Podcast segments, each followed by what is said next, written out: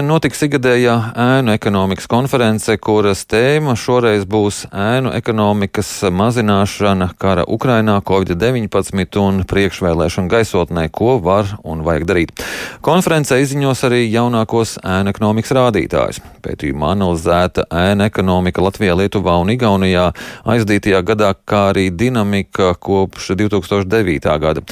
Jaunāko Rīgas ekonomikas augstskolas pētījumu par ēnu ekonomikas apjomu Baltijas valstīs gatavojas profesors Arnis Sauka, kurš mums šobrīd eh, pievienojas uh, tiešraidē. Uh, labrīt! Labrīt!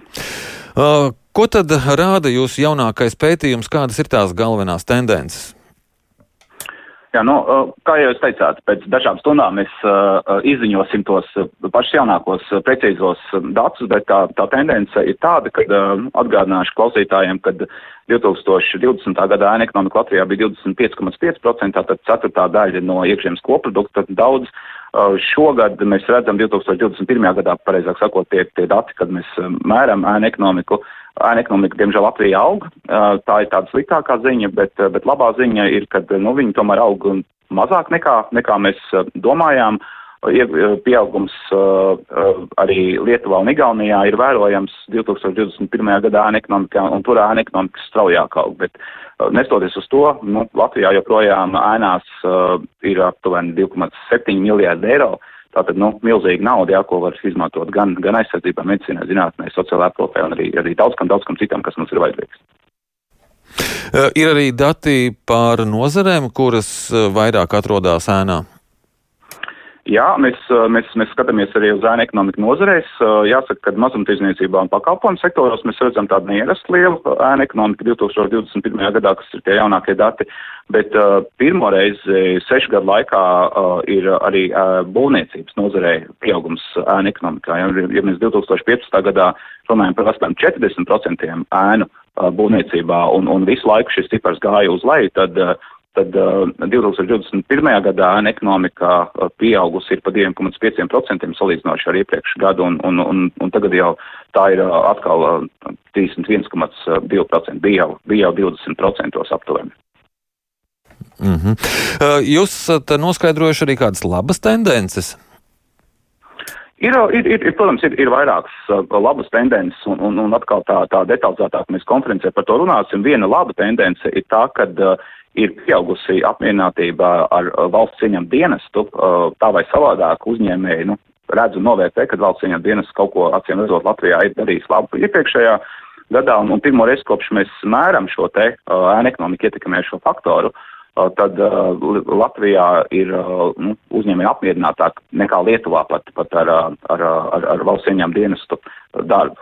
Tā, nu, tā, ir, tā ir viena no tām labākām, labajām tendencēm. Nu, valsts ieņēmuma dienests jau karo taču ar ēnu ekonomiku, tad ieņēmuma dienests mazāk šobrīd karot ar ēnu ekonomiku, tā apmierinātība ir palielinājusies? Nu, es, es gribētu cerēt, ka ne tikai valsts ieņem dienas viens karo ar ēnu ekonomiku, lai mēģina, mēģina to mazināt, bet uh, es domāju arī uh, uzņēmēji novērtē visticamāk to, ka uh, valsts ieņem dienests ir pildījis arī zināmas citas funkcijas par šo gadu, tā skaitā atbalsta funkcija uzņēmējdarbībai.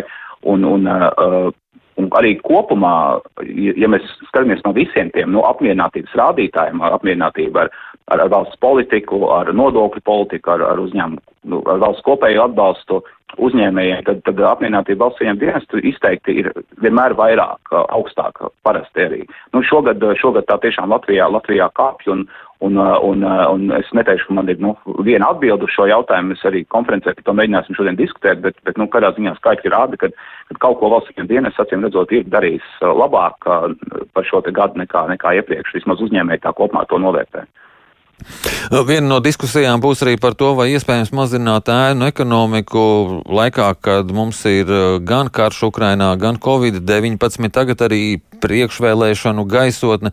Kā jūsu vērtējumā, kā visa šī situācija ietekmē ēnu ekonomiku un vai ir iespējams šādā situācijā arī to mazināt? Jā, jums ir, jums ir pilnīgi taisnība viss, kas ir saistīts ar ekonomikas attīstību un ēna ekonomikas mazināšanu, tā skaitā ir, ir ārkārtīgi sarežģīti šajos apstākļos, un, un, un pilnīgi noteikti šim te kontekstam ir nozīme, un, un, un tieši tāpēc arī teicu, mēs bijām paredzējuši paši, ka ēna ekonomikai vajadzētu būt principā augstākai nekā, nekā tā kāpa šogad. Bet, nu, nu, tādā ziņā tie, tie dati ir, ir labāki nekā, nekā mēs nu, domājam, ka viņi varētu būt. Uh, ja, ja runājām par, par, par ēna ekonomikas mazināšanas tieši kontekstu, tad, nu, protams, nestoties uz to, kad, kad, kad Covid-19, arī karš Ukrainā, inflācija, nu, viss tas, ar ko mēs tagad saskaramies un visticamāk saskarsimies, uh, ietekmē šo ēnu ekonomiku. Jāatcerās, ka ēnu ekonomika, diemžēl, Latvijā nu, aug no 2016. gada, nu tā, vairāk vai mazāk, un, un, un līdz ar to ir, nu, nevar tikai novēlt uz šo te kontekstu visu, un, un, un, un, un, un, un acīm redzot, ir, nu, ir jāmeklē kaut kāda jauna, labāka risinājuma ēnu ekonomikas uh, mazināšanai, ko, ko labāk uh, var, var, var, var darīt. Jā, liels paldies jums par uh, šo sarunu. Es atgādinu, ka mēs uh, sazinājāmies ar uh, profesoru Arnu Sauku, runājām par ekonomikas augstskolas pētījumu par ēnu ekonomiku.